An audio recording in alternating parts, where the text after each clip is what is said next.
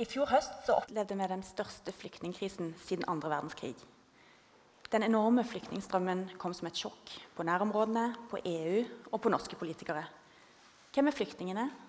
Hva flykter de fra? Hvordan blir de møtt, og hva skjer med de nå?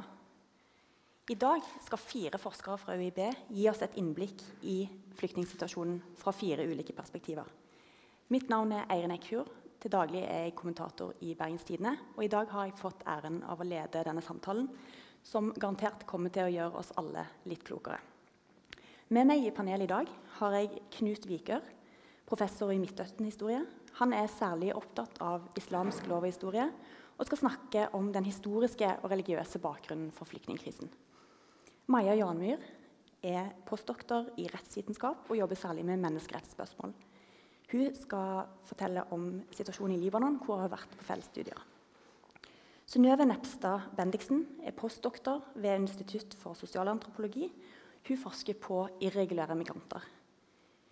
Nå, I dag skal vi snakke om hvordan det er å være på flukt. Så har vi med oss Esperanza Diaz, lege og førsteamanuensis ved Institutt for global helse og samfunnsmedisin. Hun forsker på innvandrerhelse og skal snakke om flyktningene sitt møte med det norske helsevesenet. Jeg tror vi bare kan gå i gang. Så Knut Vikør, vær så god. Takk. Eh, jeg ser jo gjerne at det har vært mye krig og ufred i eh, Midtøsten opp gjennom historien. Eh, men når vi ser på det vi kaller for flyktningkriser, som av den typen vi ser om nå, altså si, massedeportasjoner av store folkegrupper, så er ikke det som har vært typisk for de førmoderne krigene. Så eh, vi har noen Jeg kan si at det er egentlig fra begynnelsen av 1900-tallet at vi begynner å se den typen. Og vi har noen eksempler. kan f.eks. være eh, fordrivelsen av armenere fra Tyrkia eh, til sørover. Altså, det var jo et eh, store massedrap, men det var også stor fordrivelse av disse til uh, Syria og Sør-Arabi. Og vi ser på denne sliden her, Kåre Bartadi. De fleste havna i Europa. Men vi har også viktige eh, armenske minoriteter som fortsatt er der i, eh, i Libanon, i Syria og andre. Men er kjent kanskje, er jo den store palestinske fordrivelsen og de store flyktningproblemene som skjedde etter 1948.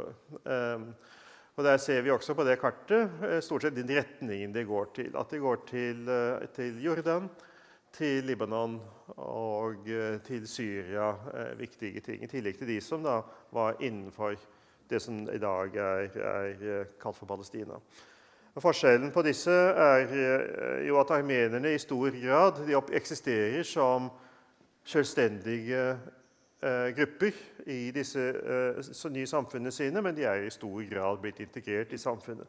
Mens derimot palestinerne, med unntak av i Jordan, i stor grad ikke er blitt uh, integrert, men bor i litt forskjellige. Men vi har store flyktningleirer på Vestbredden og i Libanon spesielt. Så er Den tredje store fordrivelsen som vi kan ta som eksempel, da, er den som skjedde etter den amerikanske invasjonen i Irak i 2003. Eh, vi er på det tredje kartet. Igjen over en million til Syria. Men igjen svært mange, opp mot tre kvart million, står det der. Noen sier en million til Jordan. Det eh, ser jo typisk at Jordan ser ut til å være den som tar imot flyktninger både fra Palestina, fra Irak og nå fra Syria. Eh, og eh, disse er da heller ikke blitt integrert. De er jo relativt ferskt ankomne for eh, vel ti år tilbake. Og de er i all hovedsak ikke i flyktningleirer. Altså de er frittsvevende, kan vi si, i, i samfunnet. Så de må klare seg som best de kan i, i de samfunnene de bor i så er det altså eh, eh, Syria som er den store tingen nå. Og spørsmålet er hva er det Altså, dette er komplisert. ikke sant? Det er det alle sier. Dette er så komplisert. Eh, og det er det. Eh, men for, det som gjør det komplisert, er at når en tenker på en borgerkrig, så tenker en gjerne på en krig mellom to parter. Mens i Syria så er det ikke det. Det er en konflikt mellom fire parter. Det er en måten i fall å sette det opp på. Jeg har prøvd å under dette kartet her å lage en sånn uh, firefeltsgreie. Eh, som stemmer litt med kartet, men ikke helt. når du ser på hvor kartet er. Men det er altså disse fire partene som er da regimet til Assad. Rødt på kartet. De, de områdene de sånn mer eller mindre kontrollerte i 2015. Eh, opprørerne som slåss mot eh, Assad kurderne og i nedre høyre hjørne IS. Og Det som er generelt for disse, er at hver enkelt av disse med, er, hver enkelt av disse fire er i krig med de andre tre. Altså Det er ikke en enhetlig konflikt, men det er en konflikt der alle er, hver av de er eh, mot, mot, de andre. Opprørene som vi ser, har, det, har litt lengre, flere linjer, eh, fordi at den er også en svært sammensatt gruppe.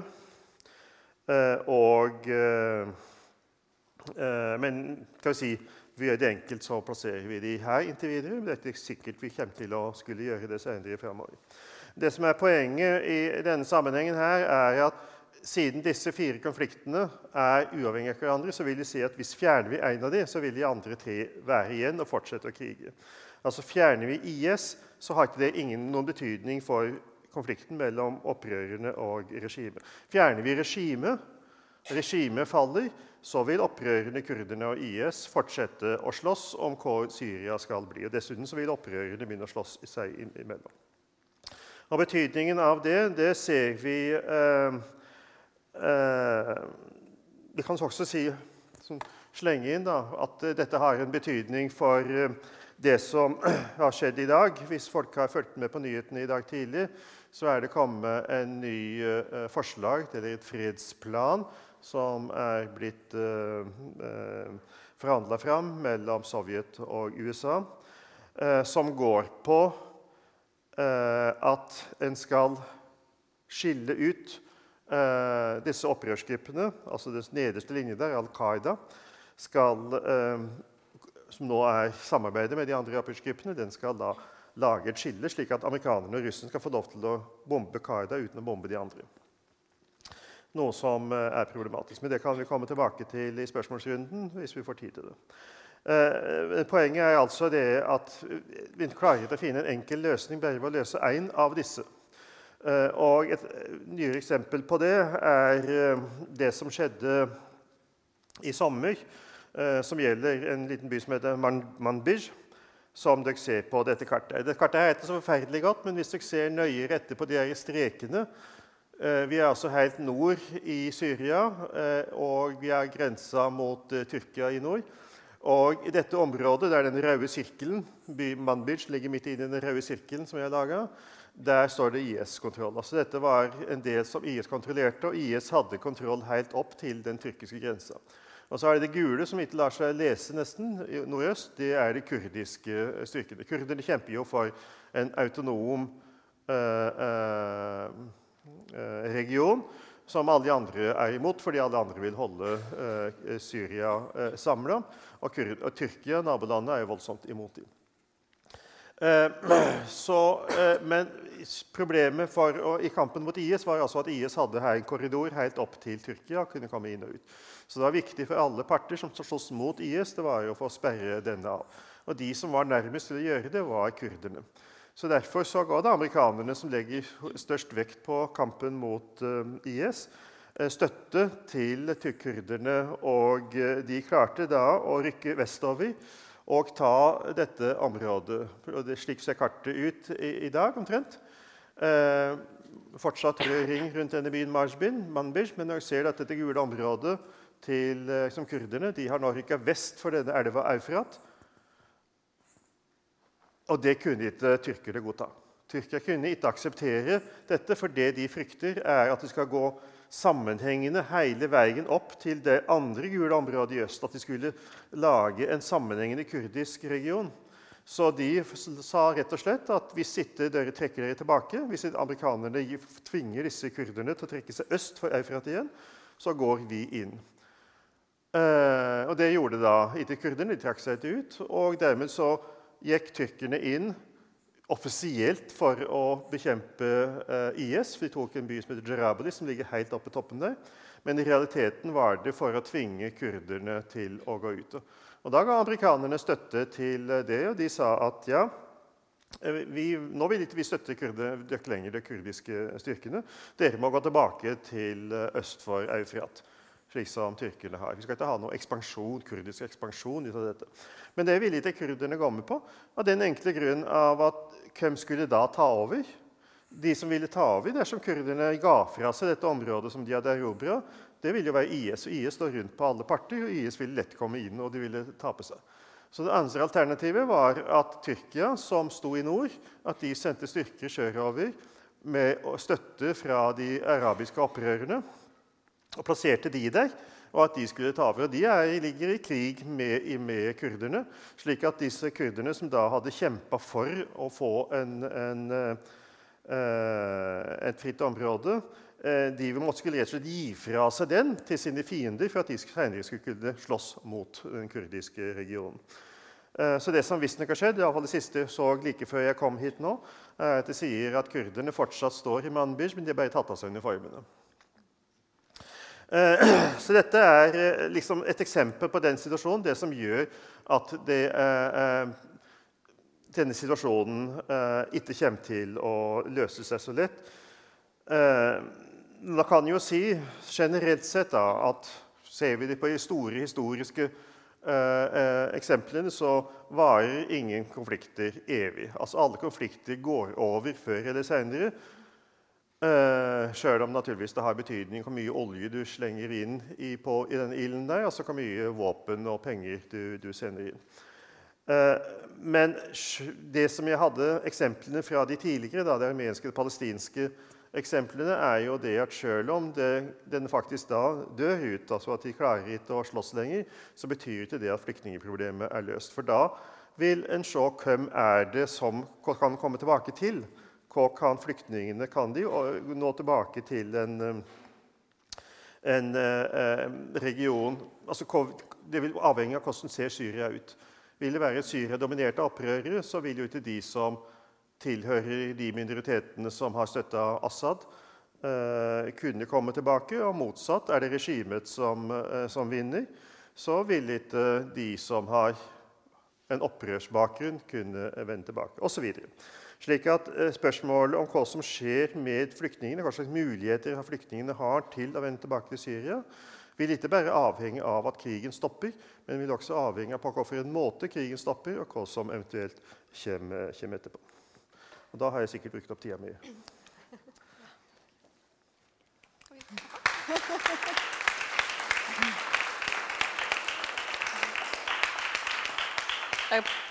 Maja, scenen är min. Tusen takk for det. Som Knut var inne på så, så är ju situationen i regionen eh, oerhört komplex och omfattande. Inte bara politiskt, men också humanitärt, som är primärt det som jag har, har jobbat med.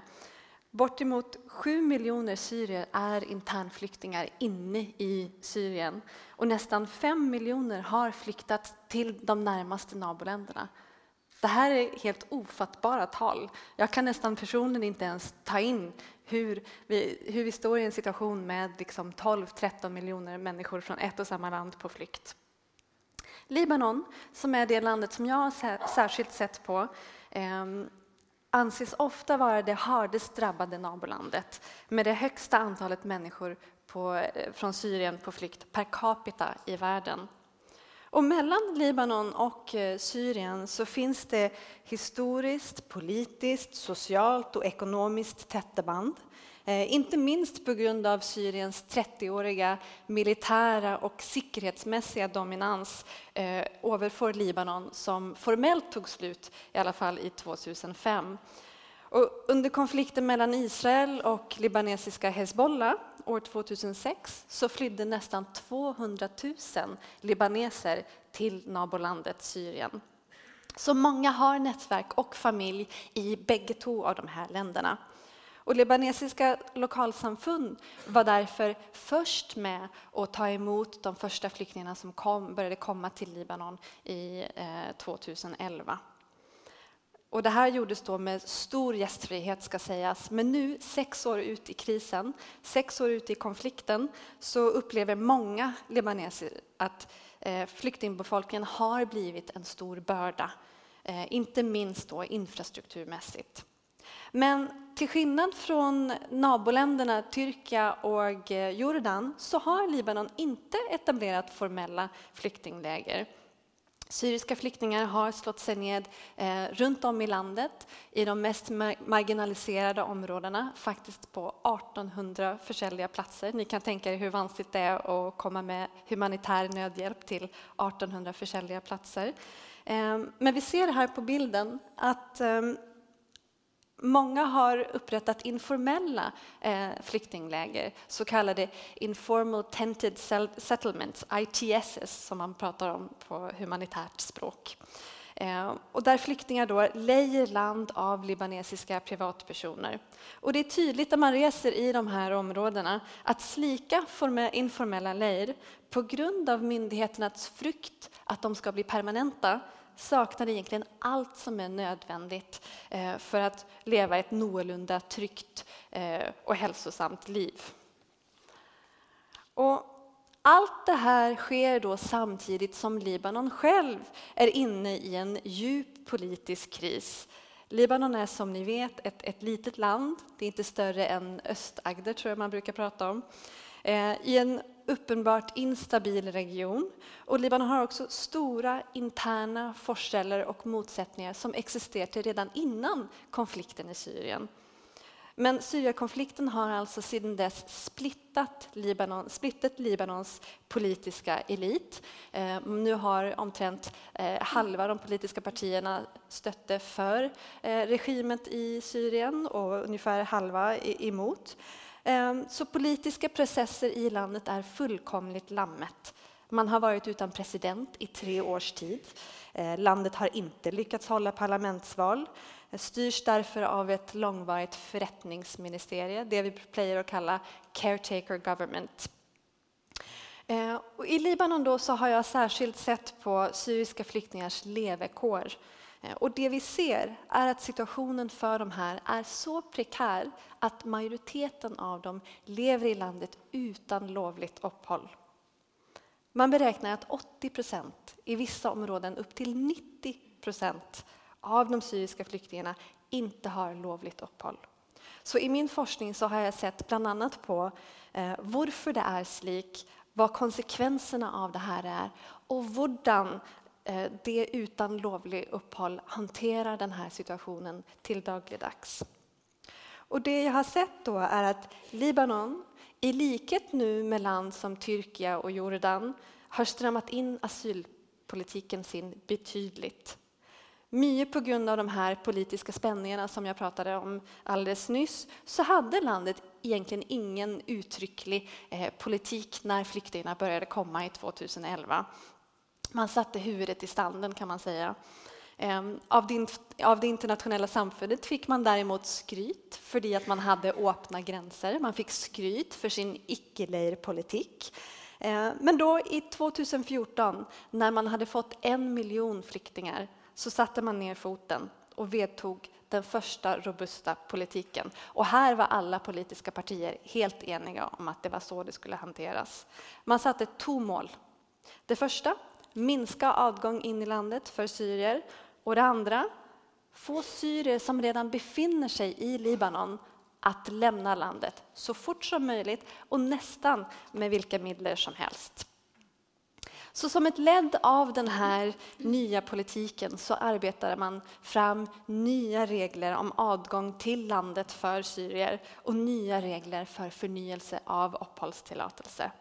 Och i likhet med de flesta andra länder i regionen, och som ni kanske redan vet, så har Libanon inte undertecknat FNs flyktingkonvention och har egentligen inte heller några brukbara asyllovar i det hela tatt.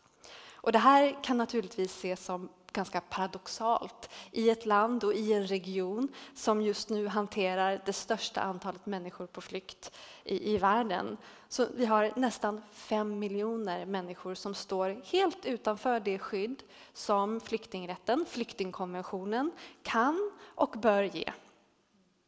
Men nu 2014-2015 så kom alltså restriktiva regler som bara gäller syrier eh, i Libanon.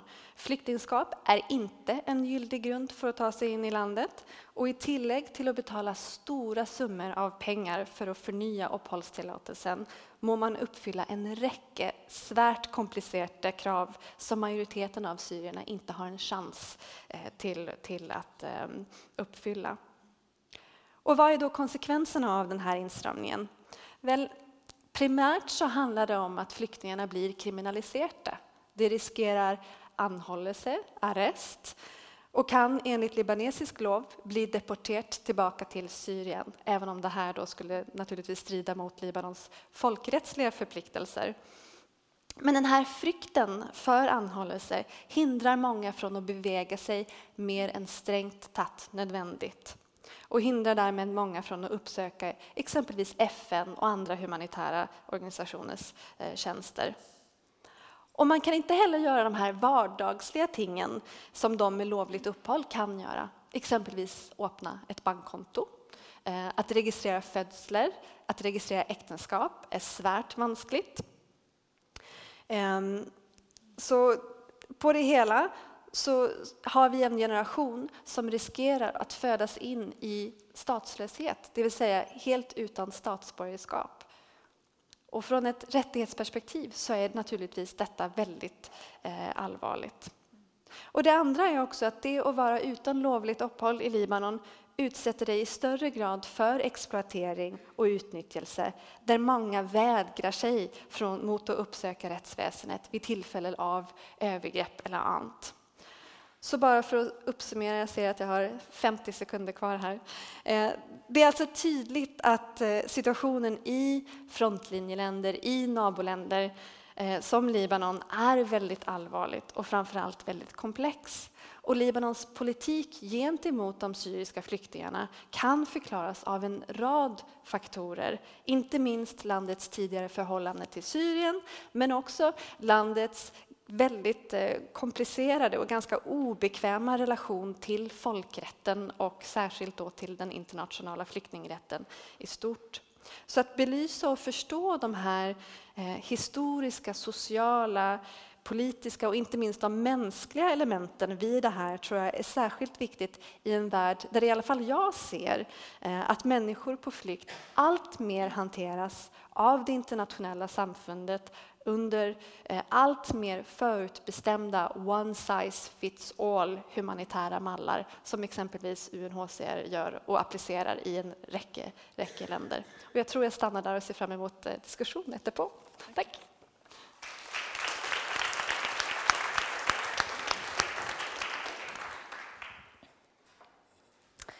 Ja. Jeg heter Synnøve Bendiksen, jeg er sosialantropolog. Og jeg har de siste årene gjort feltarbeid med og intervjuer med irregulære migranter i Norge. Eh, Bl.a. om eh, hvordan det er å leve som irregulær eller papirløs i Norge. Det å leve med begrensede rettigheter, men også om deres reise og tanker om retur. Dette er mennesker som har søkt om asyl i Norge, men har fått avslag på denne søknaden. De er her uten lovlig opphold fordi de av myndighetene blir sett på som ikke å ha et beskyttelsesbehov. Men flere av dem oppfatter seg selv fremdeles som å være flyktning. Og En ting som har blitt klarere for meg i løpet av de siste årene, når jeg har jobbet med dette, det er at vi tenker gjerne at Norge er slutten på reisen. Det er slutten på flyktningreisen. Men for mange så er det kun et opphold, et stopp på migrasjonsreise som fortsetter. Jeg kommer tilbake igjen til det. Jeg vil begynne veldig eh, kort og snakke litt om reisen. For dem som setter ut på en farefull reise for å nå Europa, så er denne reisen forbundet med forventninger og forhåpninger.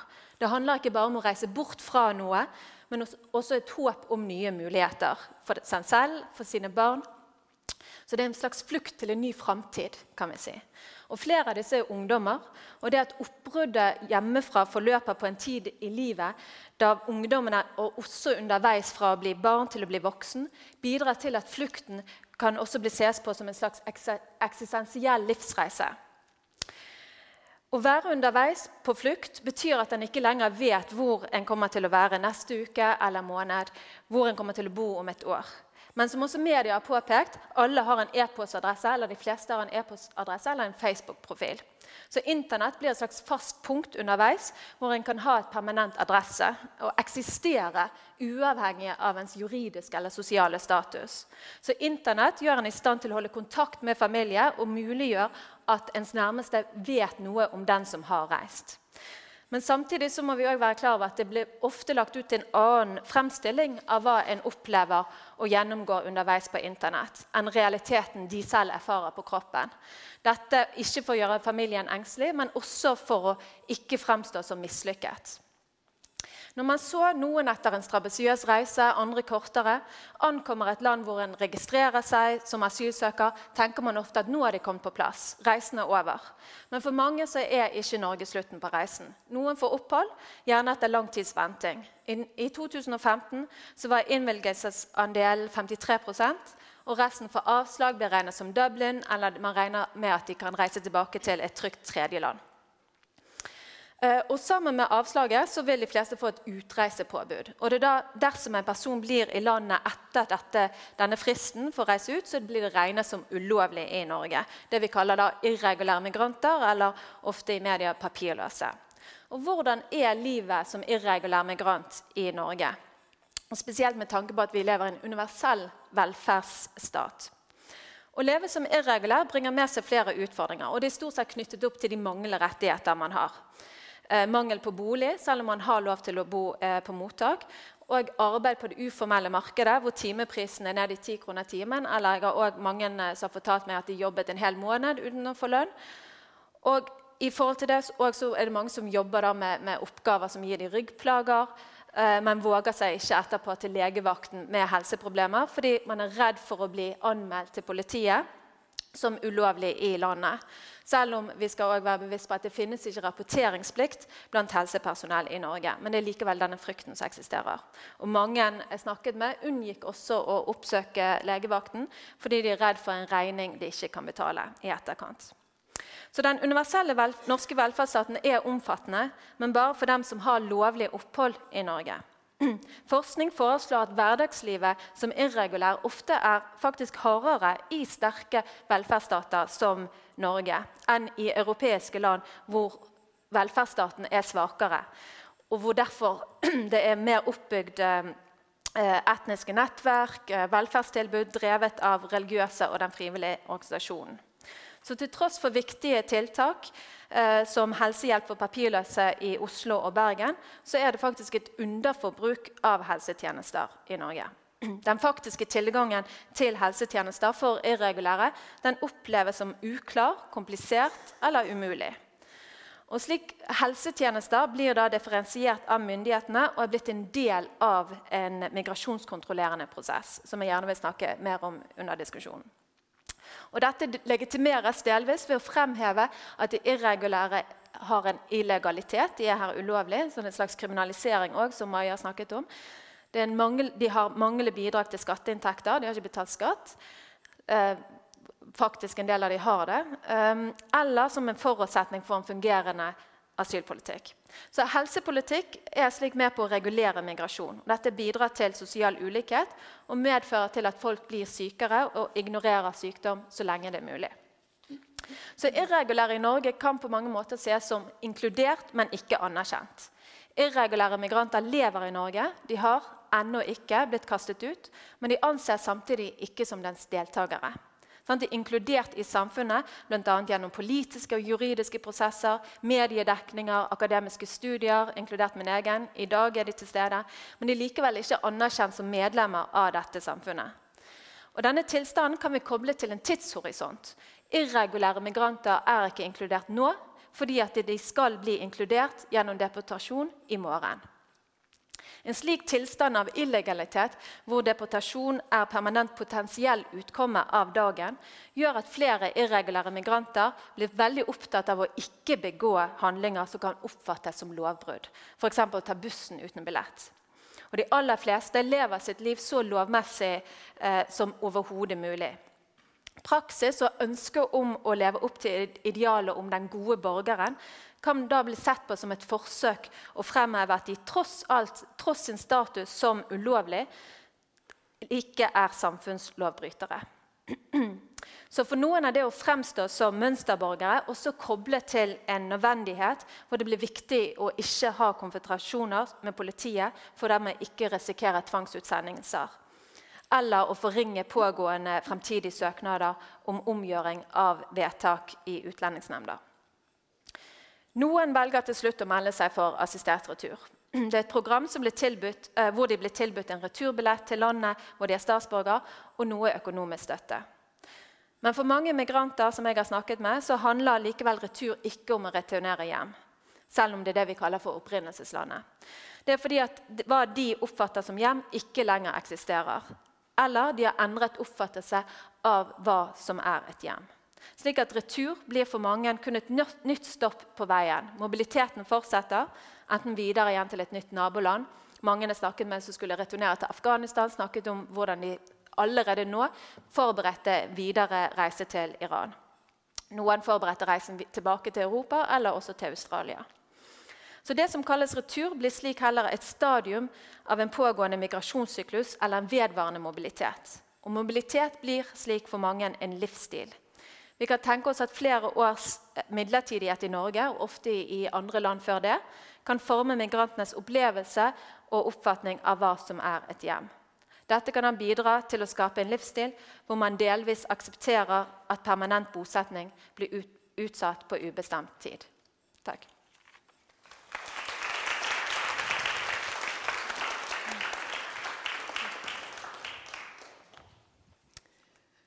Hei, alle sammen. Mitt navn er Esperanza Diaz, og jeg er forsker og også lege og fastlege. Og jeg skal snakke litt som, som begge to. Hver av oss som sitter her, har en kultur. Det er ikke bare de andre. Men det som er forskjellen, er at flyktningene er nødt til å plutselig eh, sette seg i en annen kultur, et annet språk og annerledes omgivelser. Men det er viktig å huske i det første bildet dere ser der, at det er ikke bare damer fra Egypt som har en kultur. Den andre er kledd på en måte som ikke en mann ville ha blitt kledd i. Det har vi alle. Likevel er flyktningene heldigere enn mange som vi er blitt fortalt, enn ikke får lov til å bli her i landet. Og som vi også hørte, dette her kan oppleves som når man endelig har fått status som flyktning, så er det reise slutt. På den andre siden begynner det også en reise når man kommer til denne endestasjonen når man får status som flyktning. Jeg var kommunelege for mange år siden, i 1999, i en liten kommune for flyktningene, den gangen fra Bosnia. I en liten kommune fikk jeg lov til å treffe fire familier rett etter at de hadde kommet her, med barn og voksne, full av forventninger og håp om å begynne på nytt. De hadde fått lov til å bli. Og så mange i denne situasjonen var disse menneskene friske. Friskere enn majoritetsbefolkningen. Og det er en viktig teori som er kjent i innvandrerhelse, som er the healthy migrant effect. Fordi det er ikke bare de som er svake, som klarer å komme seg ut. Som dere ser i det bildet der, det er også veldig kjent. Sant? De friske blir levert videre for å kunne flykte. Så det er en selektert gruppe som kommer til oss, friske mennesker, og mange av dem med håp og et mål å komme seg vekk fra elendigheten. Det gir også helse. I overensstemmelse med dette her, så er den forskningen som jeg og gruppen min har gjort har i Norge, da har vi sett på hvordan bruker innvandrere helsetjenestene. Og vi har sett, i motsetning til det som vi av og til får inntrykk av, at innvandrere bruker helsetjenestene mindre enn majoritetsbefolkningen. Og det gjelder både primærhelsetjenesten, altså fastleger og, og legevakt, men også sykehus, poliklinikk, alt. Det er klart at det er forskjell mellom grupper, og det spørs hvorfor du kommer til Norge er flyktningene bruker legetjenestene litt mer enn andre grupper. Men også flyktningene friskere og bruker mindre tjenestene enn majoritetsbefolkningen. Så det ser ikke ut som de kommer her for å bruke helsetjenestene. Likevel det er også en teori som, som også gjelder disse menneskene. Og vi vet at til tross for at de er friskere, så blir de syke ganske fort når de kommer til det nye landet. Nå snakker jeg om Norge, men dette skjer også andre steder. På en periode på, som opp som fem-ti år så har de nådd den dårlige helsen som majoritetsbefolkningen har. Man kan forklare det på en enkel måte at de begynner å spise usunn mat, eller de beveger seg mindre, de begynner å røyke. Og det er for noen grupper sant, men dessverre, det er sant, for jeg sier dessverre, for dette her kunne man unngå ved å ha en litt annerledes politikk. Ikke bare for dem, men for de som har dårlig råd. Men det er ikke bare det. Teorien som heter allostatic load, veldig kort kan forklares med at når man lever i en stressende situasjon over tid, til slutt systemet svikter. Og for å bli en flyktning det som definerer deg, du har, du har opplevd ganske mye stress. Det er en liksom sine qua non. Du må ha gått gjennom fra noen vanskelig situasjon og noen ganger gjennom en vanskelig reise i tillegg. Men vi vet også at den, spesielt den første tiden i det, det nye landet kan også være veldig stressende. Tilbake til familiene mine fra Vosnia den gangen. Så det tok ikke veldig lang tid før, de fikk med seg at tolken var der når de skulle til offentlige tjenester. Men de var ikke der når de skulle snakke med naboene, når de skulle vite hva de skulle handle. Der plutselig står du helt stille. Um, pengene de fikk, de var veldig glad for at de fikk det. De var veldig positive, disse menneskene. Men de var ikke nok til å handle matvarer som de kjente. Fordi det var veldig dyre på den tiden. Snakker, nå, er det kanskje litt billigere. Men men det, det rak ikke. De klarte ikke det der. Um, og så dynamikken i familien. fordi de Barna de fikk lov til å gå på skolen ganske så fort, så de lærte seg norsk. Men de voksne det tok litt lengre tid. Og så var det makt inni familien som var dynamikken helt annerledes. Det var vanskelig å håndtere også. Så blir det mørkt, og det regnet. Masse stress over lang tid. De fleste av disse familiene klarte seg likevel veldig bra. Noen av den av de barna har studert på Universitetet i Bergen etter hvert. de ble godt tatt imot av samfunnet hvor de ble der. De hadde en veldig engasjert lærer, norsklærer. De kom seg ut i jobb. De så på, og de sto på sammen. Og det med å være sammen det er også sånn. vi kanskje kan komme tilbake til når det, man tenker en politikk hvor man ikke vil gi lov til familien til å være med. Nei. Men situasjonen ble dessverre veldig annerledes i fjor. I 2015 hadde en sånn eksplosjon som jeg tenker at for Levan eller, eller Tyrkia kan være med som en kinaputt med en eksplosjon. hvis man tenker på antall som kom her til Norge. Asylsøkere skal få tilbud om helseundersøkelse innenfor en periode kort, ganske kort etter at de kommer til Norge. Men det gikk ikke sånn som man hadde tenkt i fjor. Folk ble flyttet fra midlertidig asylmottak til midlertidig asylmottak. Og dessverre så det ofte slik at myndighetene var mer opptatt av å ta, eh, beskytte seg selv ved å ta røntgenprøver og bruke vaksiner enn å faktisk hjelpe disse menneskene. Fordi helseopplysningene forsvant på vei.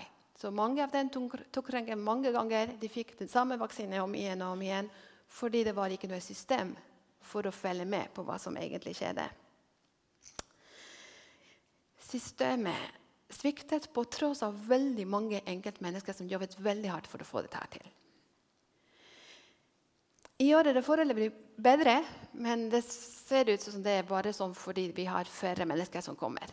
Og det kommer til å, Antall mennesker som blir sendt for i Bergen kommune kommer til å øke de neste månedene. og Det står fremdeles å se hvordan systemet fungerer nå.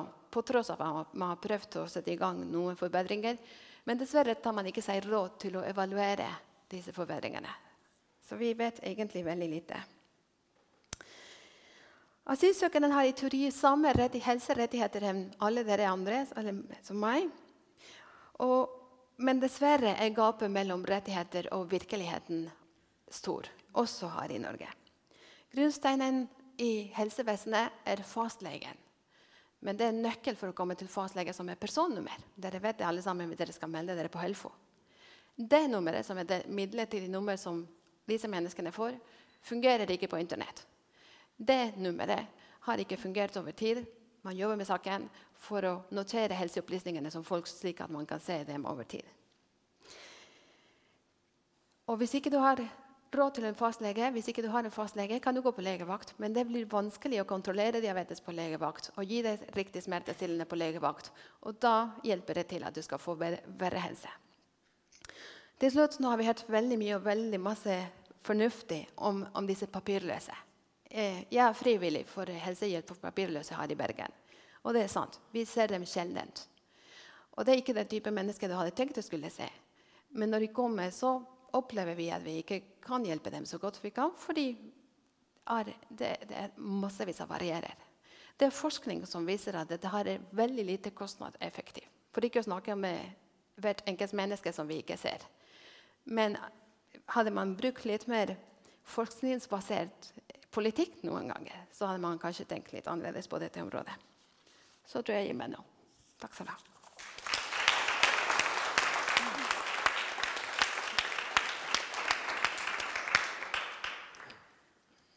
Tusen takk til alle sammen for interessante innlegg.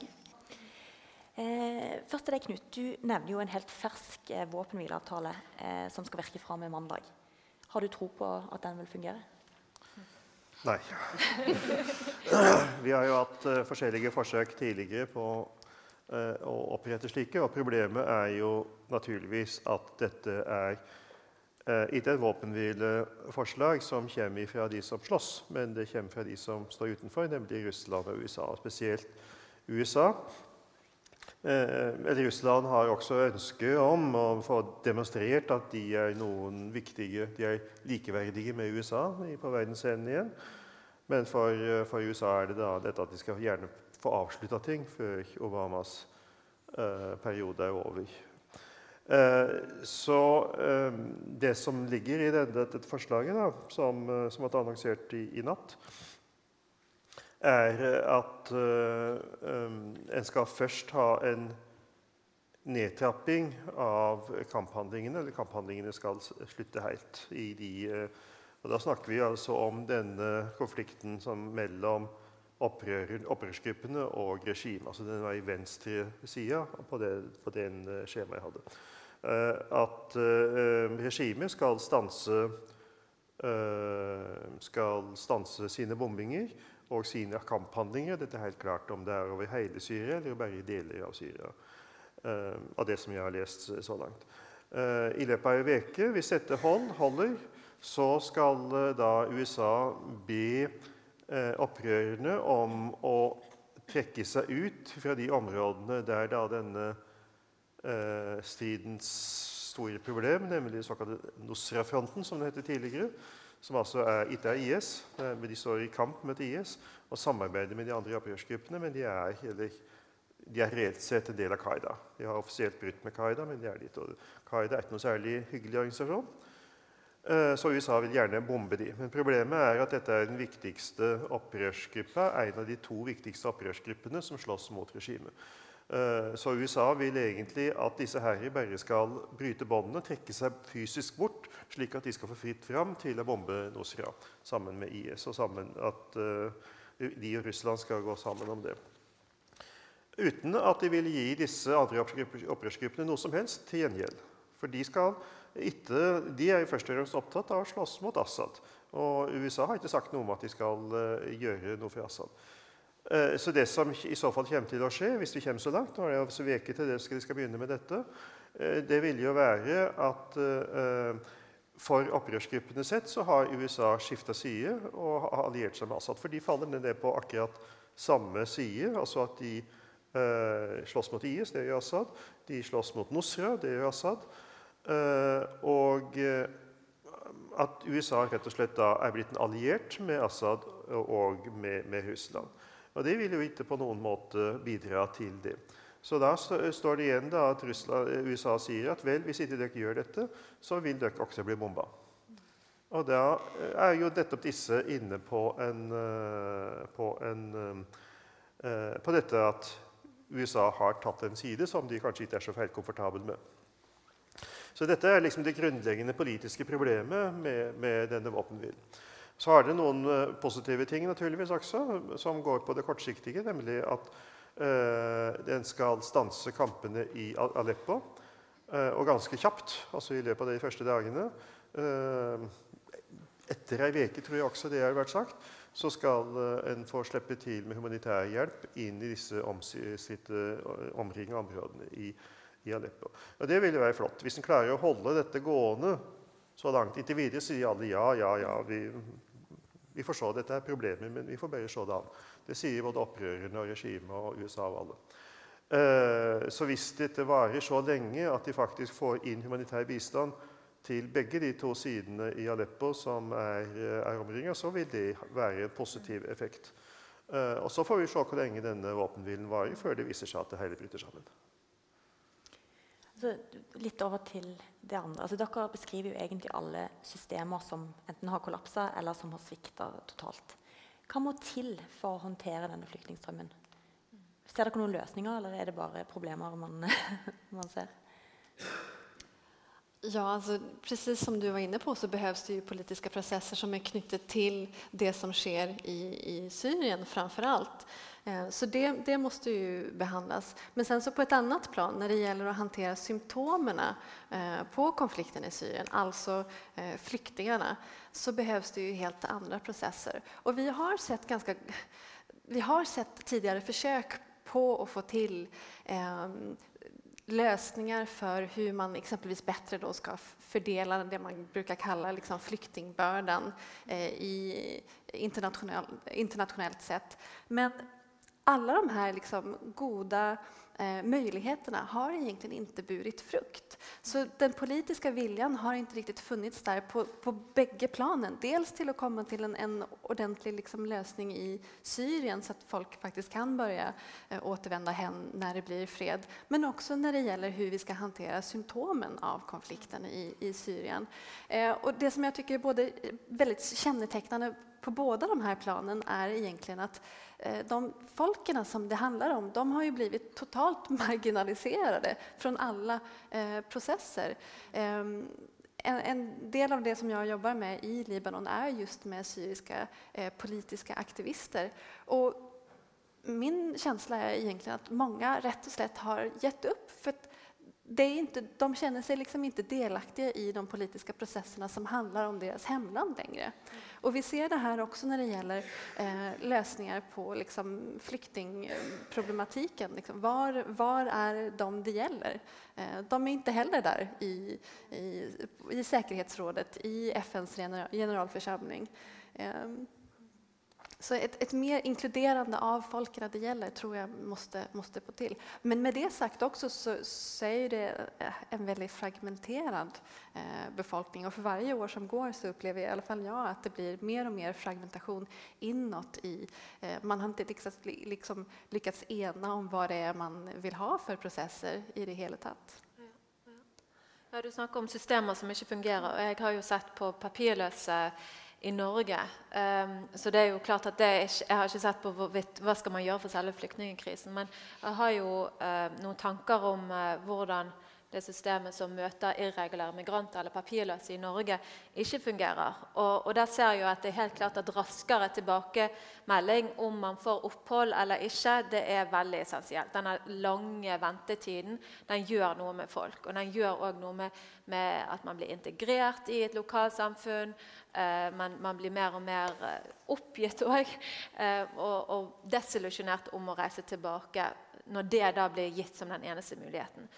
Og så ser jeg også at det er veldig uheldig dynamikk som foregår med å sette opp helsepolitikk som migrasjonskontrollerende. Sånn at eh, To domener, altså helse og migrasjonskontroll, blir rett og slett koblet sammen eh, gjennom helselover. Så fordi at man tenker at eh, papirløse, hvis vi gir dem minst mulig rettigheter, så kommer de til å reise raskt tilbake.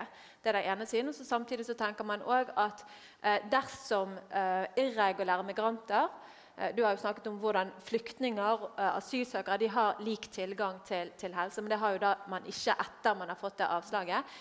Og tanken er at hvis vi åpner opp for at de skal få muligheter til helsehjelp etter etter at de har fått det avslaget, så kommer, det til å lokke til, da kommer vi til å lokke til oss mange flere flyktninger til Norge. Sånn idé om helseturisme eller helseflyktningsturisme som vi ikke ser at det er en grobunn for i, i realiteten. Det, det, vi ser, det er at fordi at papirløse eller irregulære ikke får helsehjelp, så blir faktisk deres psykiske helse veldig dårlig over tid. Og de òg får andre plager som gjør at de klarer ikke å ta avgjørelser. Avgjørelser om hva de faktisk skal gjøre når de har det avslaget. Avgjørelser om at er det kanskje, kan, For noen er det faktisk sikkert bedre å returnere. Det er ikke sånn at alle skal bli. For noen så kunne de ha bygget opp en bedre fremtid hjemme. Men fordi at de, er, de har rett og slett ikke fått nok helsehjelp til å kunne ta den avgjørelsen. Eh, sånn at jeg tenker at Der må vi tenke nytt. Eh, og jeg tenker spesielt denne koblingen. Det er noe vi ser nå på flere momenter. Sånn vi snakker om migration, hvor eh, eh, politikk på, på, om, om, kriminalitet blir koblet opp til migrasjon. Ting som blir koblet sammen, som skaper en veldig uheldige effekter. Ja, jeg vil bare støtte alt det du sier. og Vi har faktisk en god del forskning som viser i Europa at folk kommer ikke til de forskjellige land pga. helse. Det er noen veldig få som gjør, men i, i det store bildet er ikke det. Altså, hvis man tenker på de som faktisk har opphold, så er jeg også enig i at det viktigste er å få en mye raskere avgjørelse. For det er også forskning som viser at for veldig mange mennesker er det den perioden som man er spesielt i begynnelsen uten å vite, som er mye mer ødeleggende for helse, ikke minst psykisk helse, enn det som de har opplevd i hjemlandet. Så det skal nå absolutt til. på en måte. Og så er det her med at det hjelper jo veldig litt å ha rettigheter som ikke kan realiseres. Og Det er nesten helt utrolig i et land som dette at det ikke fins teknologi for å kunne få et, noe så enkelt som et D-nummer til å fungere som personnummer. For meg er det helt umulig å forstå at Helsedirektoratet har nå brukt over ett år og ikke får det til. Jeg tror det trengs noe fra Bergen her for å komme og rette litt på det. Um, og så er det med at Vi driver med eksperimenter på helse på folk i en veldig sårbar situasjon uten å evaluere overhodet hva vi gjør. Vi har forandret en god del ting, og så gjør vi bare det. Det tror jeg er farlig. rett og slett. Det er på systemnivå. Og så tenker jeg at også på personnivå er det en, vi, en, del ting vi kan gjøre. Som jeg sa, um, mange, mange som, som, blir flyktninger, de liker ikke å bli plassert rundt omkring i de små kommunene. Men det, vi ser at det er tross alt bedre for dem. For i en stor by er det vanskelig å se at noen smiler til deg. Så det vi kan gjøre som mennesker, er å smile til de som vi vet kommer. Og snakke positivt om dem når de går i eller i skolen sammen med barnet våre. og gi vår, vår tid. Alt det der skaper helse. Det skaper muligheter for at vedkommende skal integrere seg i jobb, og det skaper økonomi. Så om man skal være veldig sånn kynisk og ikke bare tenke økonomisk, så er det en god del ting som hver av oss kan gjøre. Så kan vi kanskje snakke litt etterpå om hva Universitetet i Bergen kunne gjøre. Men, Men her i Norge har det vært et mantra at eh, man skal hjelpe flyktningene der de er.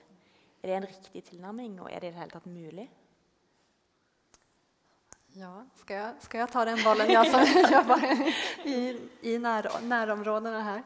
Um, jag tror, I alla fall det som jag har sett nu när jag har varit tio månader i, i, i Libanon är att jag tror att man måste se på det på flera försäljliga plan. Eh, för å ena sidan så är det hjärtligt välkommet med mer eh, bistånd till, till ett land som, som Libanon, eh, fordi att det trängs. 30 procent av FNs responsplan för Libanon är finansierat för detta året. Och det betyder att 70 procent av behoven ikke er täckt. Det fins altså rätt och slett ikke penger til 70 procent av behoven som de syriske flyktningene har i, i Libanon. Og det her blir speciellt alvorlig når, eh, når flyktninger i Libanon ikke får lov til å arbeide. Altså, de, de har ikke muligheten til å tjene et. Eh, I alla fall inte formellt. Sen så finns det ju naturligtvis en, en, en, väldigt många möjligheter till att jobba informellt men det har ju sina andra sidor med utnyttelse utnyttjelse och eksempelvis. exploatering exempelvis. Så, så det, är det, det, är det ena, att vi må eh, rätt och slett liksom, eh, hjälpa Libanon att hålla liksom, huvudet över vattenytan med detta. Men det är inte bara det som behövs.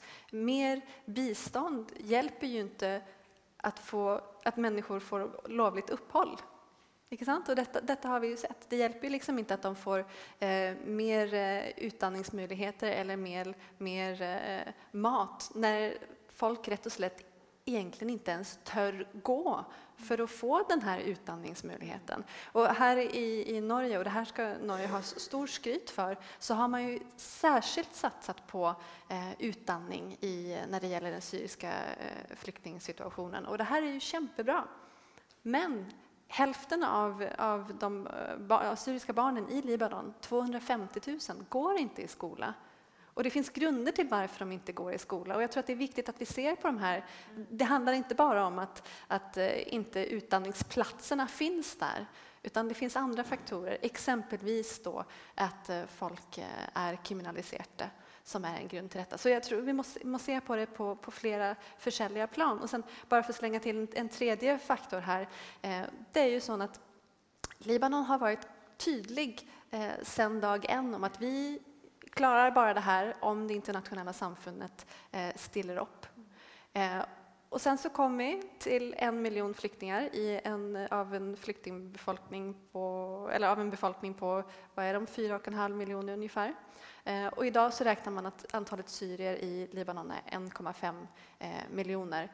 Och nu så är ju den politiska debatten fokuserad på att det hjelper ikke at ni sender mer bistånd her, för de är därför rätt och slätt för många. Och mer bistånd hjälper inte oss att hantera den här situationen utan det är andra faktorer nu som, som vi må eh, se på. Bland annat då att Libanon har ett väldigt ehm, eh, liksom försiktigt uppbyggt politiskt system där man försöker balansera mellan eh, sunnier och shiaer och, och kristna och druser.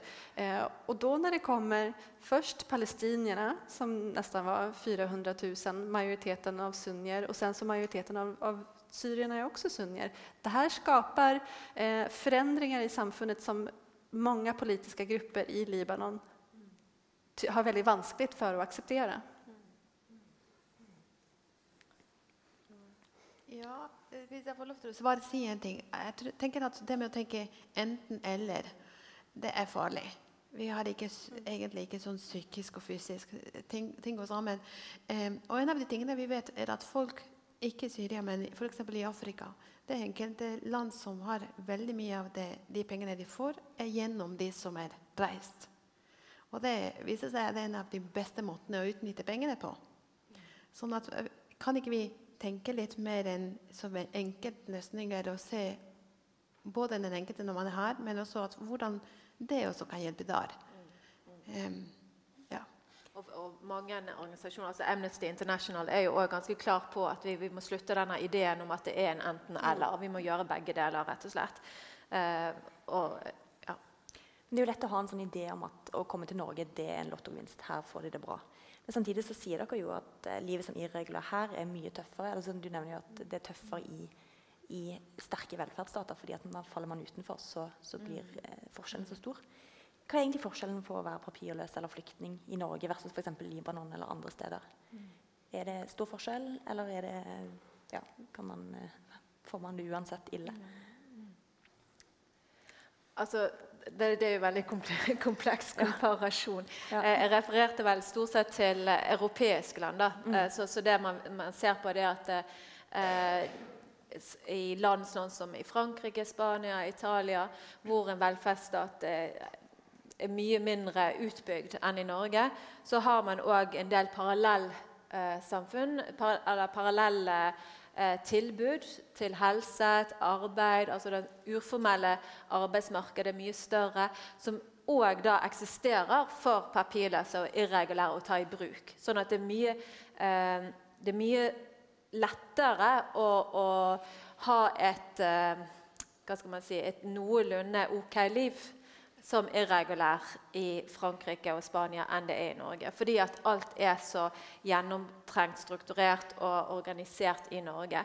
Eh, så det jeg opplevde, eller opplever blant irregulære migranter, det er jo en eh, genuin opplevelse av å være marginalisert, å være utenfor. Og samt, det er akkurat som å, å, stå utenfor og se inn på på juletreet og kaken og alt som eksisterer der inne. Du er, du er, du er der, men du er der rett og slett ikke. Sånn, sånn så, det oppleves å ikke være til stede, selv om du faktisk er i Norge. Fordi at eh, du har ikke tilgang til alle disse rettighetene som man ser eksisterer. Nå skal det legges til at barn har, har eh, mye mer bredt rettigheter. selv om man er irregulær som barn i Norge, så har man rett til skolegang opp til en viss alder. Det er jo etter det da man, man ikke har tilgang til skole, til utdannelse, til arbeid uh, og til helse. Um, ja. Jeg kan snakke evighet om akkurat det. Men, eh, Vi kan gå videre til et spørsmål fra salen. Fordi at, Uh, hva er konsekvensene for de som returnerer til Syria? Er det en fare for at de marginaliseres eller straffes der? Eh, og er noen antydning til en negativ politisk holdning til de som har flykta, som kan anses som en sikkerhetsrisiko hvis de returnerer? Er det noen som kan si noe om det? Kan du gjenta det? for jeg hørte Ja, det? det kan jeg. Altså, når vi snakker om konsekvensene for de som da returnerer til Syria, eh, om det er noen eh, represalier, eller om de kan bli utsatt for straff, eller eh, om det er noen sikkerhetsrisiko med å dra tilbake. Det vet du kanskje du mer om, men jeg vil vel tippe at det har mye å gjøre med hvem du er, og hva slags nettverk du har, hva slags område du kommer fra i Syria. For det er klart at det er jo store forskjeller innenfor Syria også, og i hvilken grad krigen har rammet.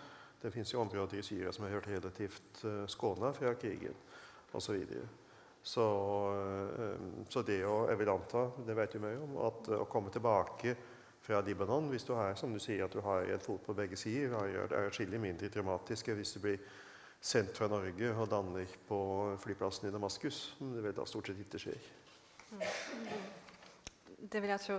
Eh, Det, det er ganske interessant, for i, eh, i Libanon så har i ett försök att minska antalet eh, flyktingar här så- har Libanon försökt att ta tillbaka kontrollen över eh, registrering av flyktingar från FN-systemet, från eh, FNs flyktingorgan UNHCR.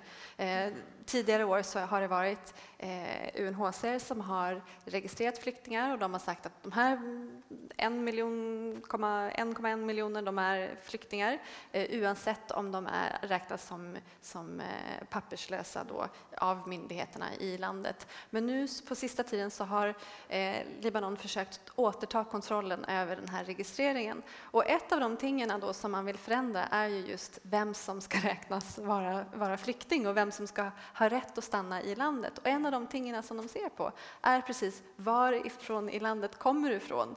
Eh, och som jag nämnde så är ju eh, libanesiska politiker ganska splittat i sin syn på, på vem som är the good guys and the bad guys här. Eh, och det här kommer ju då spela ut i, visst de nu får på plats en ny registrering eller, eller ny process för att avgöra vem som, som är flykting. Så jag tror det beror helt på vem du är och, och varifrån du, du kommer ifrån. Eh, Men du nevner f.eks. at eh, Libanon verken har undertegnet flyktningkonvensjonen eller etablert formelle flyktningleirer. Hvor viktig er dette i pra altså, Leirene virker jo vesentlig betydning, men hvor viktig er f.eks. flyktningkonvensjonen i praksis? Har det, har det stor betydning, eller Jeg tror det har veldig stor betydning, men det som er, det som er interessant i, i, i Libanon er at de sier eh, vi er inte parter i flyktingkonventionen, men vi uppfyller merparten av flyktingkonventionens eh, artiklar eh, volontärt. Vi, vi gör det för att vi är så humanitära. Eh, Medan faktumet är, eh, och det här ska vi inte glömma, att många av de, eh, många av de rättigheterna som man har i, enligt flyktingkonventionen, de återfinns också i andra män, människorättsramverk. Eh, eh, det viktigaste är kanske den här principen om non-reformant, där man inte kan returnera en person eh, som riskerar förföljelse. Eh, och den här, den här principen den, den är eh, en av folkrättens grundpelare skulle jag vilja säga. Och den gäller för alla stater i hela världen oavsett om man har skrivit under flyktingkonventionen. Och den återfinns bland annat i tortyrkonventionen. Eh. Så det finns, flyktingkonventionen behövs inte för att sikra en räcke rättigheter för den samme befolkningen. eh, Esperanza, du beskriver jo ressurssterke, friske folk som nærmest går til grunne etter noen år. Eh, hva er det som, men hva, hva kjennetegner de som klarer seg bra? Er det noen faktorer du kan peke på som gjør at man lykkes? Da tror jeg jeg har gitt et feilbilde. For jeg, jeg, det er friske folk. Ikke, det går ikke til grunne, men de har det tøft. Ja, Og det er en god del ting som vi kan gjøre for at de ikke skal ha det så tøft. Um, men, men jeg sa i begynnelsen, og dette er veldig viktig, det er folk som har massevis av styrke, altså det som vi kaller for resiliens. At, at de har veldig mye inni seg som trenger veldig lite jord for å blomstre, for å si det sånn. Men det trengs. Og det støter fra samfunnet, støter fra sine egne når de har barn eller mindreårige for eksempel, som kommer. Og så er det en helsetjeneste som virkelig fungerer. Um, fordi hvis, hvis du, La oss nå si at du har diabetes. Hvis du går uten medisiner en stund, så blir du veldig raskt dårlig. Og dette her er et område for eksempel, hvor det, kommer, det er høy prevalens av, av diabetes. Sånn at um, Det er ikke sånn at de går til grunn. Men hvem som helst av oss ville gå til grunn for mye mindre. Så vi trenger å gjøre slik at det ikke blir tilfelle ved å støtte dem der hvor man trenger å støtte. Men de, de, som er flyktninger og papirløse, hva tenker de sjøl om den rollen de har som flyktning? Altså, er det noe man definerer seg som og ønsker å identifisere seg med, eller er det litt noe sånn uh, betent begrep? Mm. Et veldig interessant spørsmål. Uh, jeg har jo òg jobbet uh, med irregulære migranter som har politisk mobilisert seg i 2011.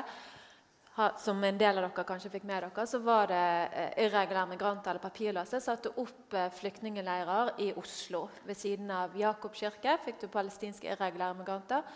Og ved siden av Oslo domkirke så var, hadde du ett telt med iranske, og så ett telt med med etiopiske irregulære migranter. Og det var, helt, det var, en demonstrasjon for å vise eh, Det var faktisk eh, direkte rettet mot den norske befolkningen. De ønsket at den norske befolkningen skulle bli bevisste hvordan de ble behandlet som asylsøkere i Norge. Og eh, hvordan de mente myndighetene da, eh, eh, gjorde livet deres ekstremt vanskelig og, og umenneskelig. Eh, så I den prosessen, i den politiske prosessen var det veldig viktig for dem å fremheve at de er flyktninger. At vi er genuine, reelle flyktninger. Uavhengig av det negative svaret som de hadde fått på asylsøknaden. Så, så det var òg eh, veldig viktig eh, eh del av den, i den kampanjen som de hadde, det var å, å vise hvordan de som da palestinerne f.eks. At, at de kom fra palestinske flyktningleirer eh, fra området hvor Maja har jobbet, kom til Norge. Og de kalte faktisk den teltleiren ved siden av Jakobkirken for den første palestinske flyktningleiren i Europa. Eh, sånn at, og, og, det var nesten som, som de framhever en, en nedarvet flyktningstatus. Mine foreldre var flyktninger, mine besteforeldre var flyktninger. Nå er jeg flyktning i Norge. Uh, så, og, og, som en del for, uh, for, å gjøre det klart at de, at de var kommet her som flyktninger. Um, og Det samme så du i iranerne.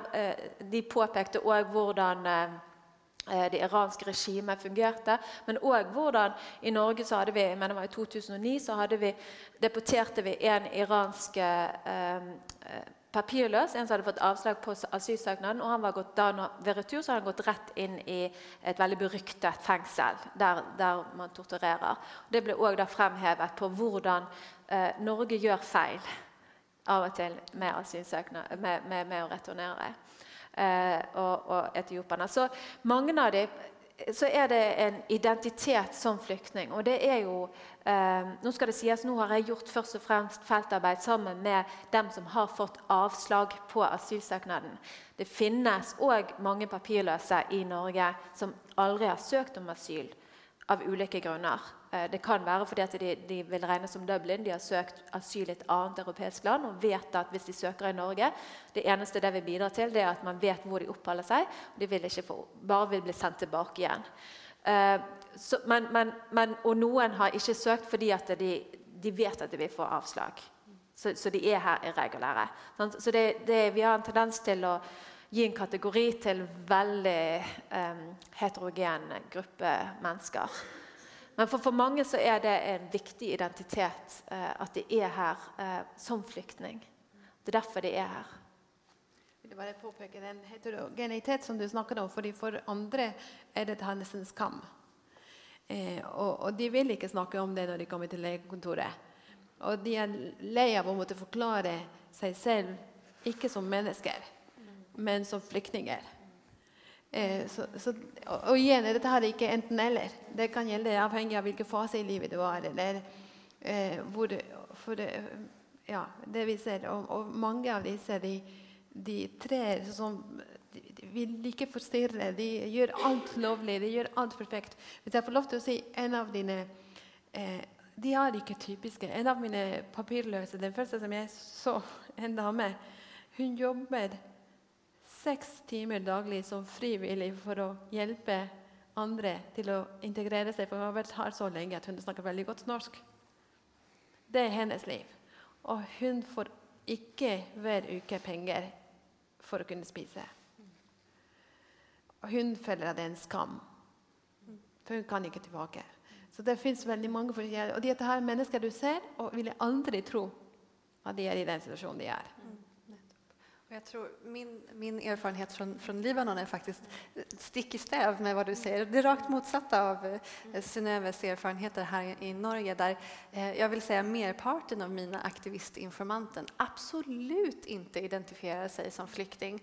Och det är en av de tingene som jag faktiskt alltid spör folk i mina intervjuer. Anser du att du är flykting?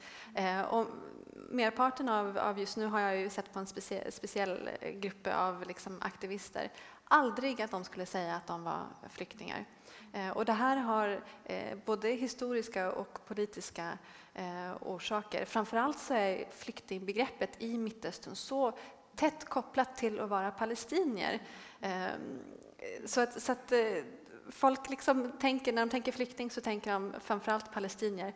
Men sen så tänker de också att en flykting är någon som behöver nödhjälp, någon som behöver bistånd. Eh, så det, flyktingbegreppet är inte så tätt kopplat som exempelvis flyktingdefinitionen i, i flyktingkonventionen eh, ställer upp. Så det, det, kan vara folk, för sen när jag pratar med folk så säger de ju när vi har absolut ingen möjlighet att åka tillbaka, då händer detta och detta. Och, liksom, och då tänker jag ju direkt, ah, du uppfyller precis liksom definitionen av flykting i konventionen. Men de skulle aldrig kalla sig själva för flyktingar. Och det här, är, det här är lite motsatt av den andra flyktingbefolkningen som jag jobbar med i Libanon, som är sudaneserna. Som, eh, de är ungefär 2000 tror jag, i hela Libanon, så det är en väldigt liten grupp. Men de bland annat har gjort ett protestläger utanför FNs flyktingorgan eh, där de har skrivit stora plakat där det bland annat står i know I am a refugee, I know that I have rights. Så de använder flyktingbegreppet som ett liksom sånt, eh, aktivt mobiliserande begrepp. Liksom, jag är flykting, jag har rättigheter. Medan mer bland mina syriska informanter, nu ska inte jag säga att det här gäller alla, så eh, har man mycket mer sån eh, försiktig tillnärmning till, till det att vara flykting. Och från myndigheternas sida, från libanesiska myndigheter, de säger inte att den här gruppen är flyktingar de kallar den här gruppen för displaced eh, folk, alltså människor som, som är, rätt och slett är på flykt. För, för dem är det ett väldigt politiskt laddat ord. Jag vet inte Knut om du har något mer du kan tillföra historiskt? Ja, nettopp historisk. For det, uh, det må være helt kort, for nå er vi i ferd med å slutte. ja. uh, okay, uh, altså, det avhenger av hva det ligger i ordet flyktning, åpenbart. For ser du på den palestinske utviklinga, så I 1948 så ser du jo nettopp det at da skulle palestinerne ikke være flyktninger. Og derfor så, når dette var tatt opp i FN, så eh, kom palestinerne ikke under FNs eh, flyktningkommissær. Men det ble opprettet et eget organ, UNRWA, nettopp fordi at de skulle kjapt tilbake. De skulle tilbake med en gang. De skulle ikke få noe varig flyktningstatus. Eh, og så seinere, da UNRWA ble eh, eh, rammeverket for dette, så ble det forferdelig omsatt, eh, motsatt. Det ble forferdelig viktig for palestinerne å bli registrert i UNRWA. Eh, nettopp av, egentlig av samme grunn, altså å bli flyktninger samme UNRWA da. Eh, fordi at ved å være registrert i UNRWAs arkiver, eller at dine foreldre eller besteforeldre var det, for det gikk jeg, så opprettholdt du rettigheten til å komme tilbake. Altså var, målet var det samme. Skulle tilbake til de områdene kom fra. Men om de var flyktning eller ikke flyktning, det avhenger altså av, av konteksten. Det var dessverre alt vi rakk i løpet av denne samtalen. Men eh, tusen takk til panelet. Takk for oss.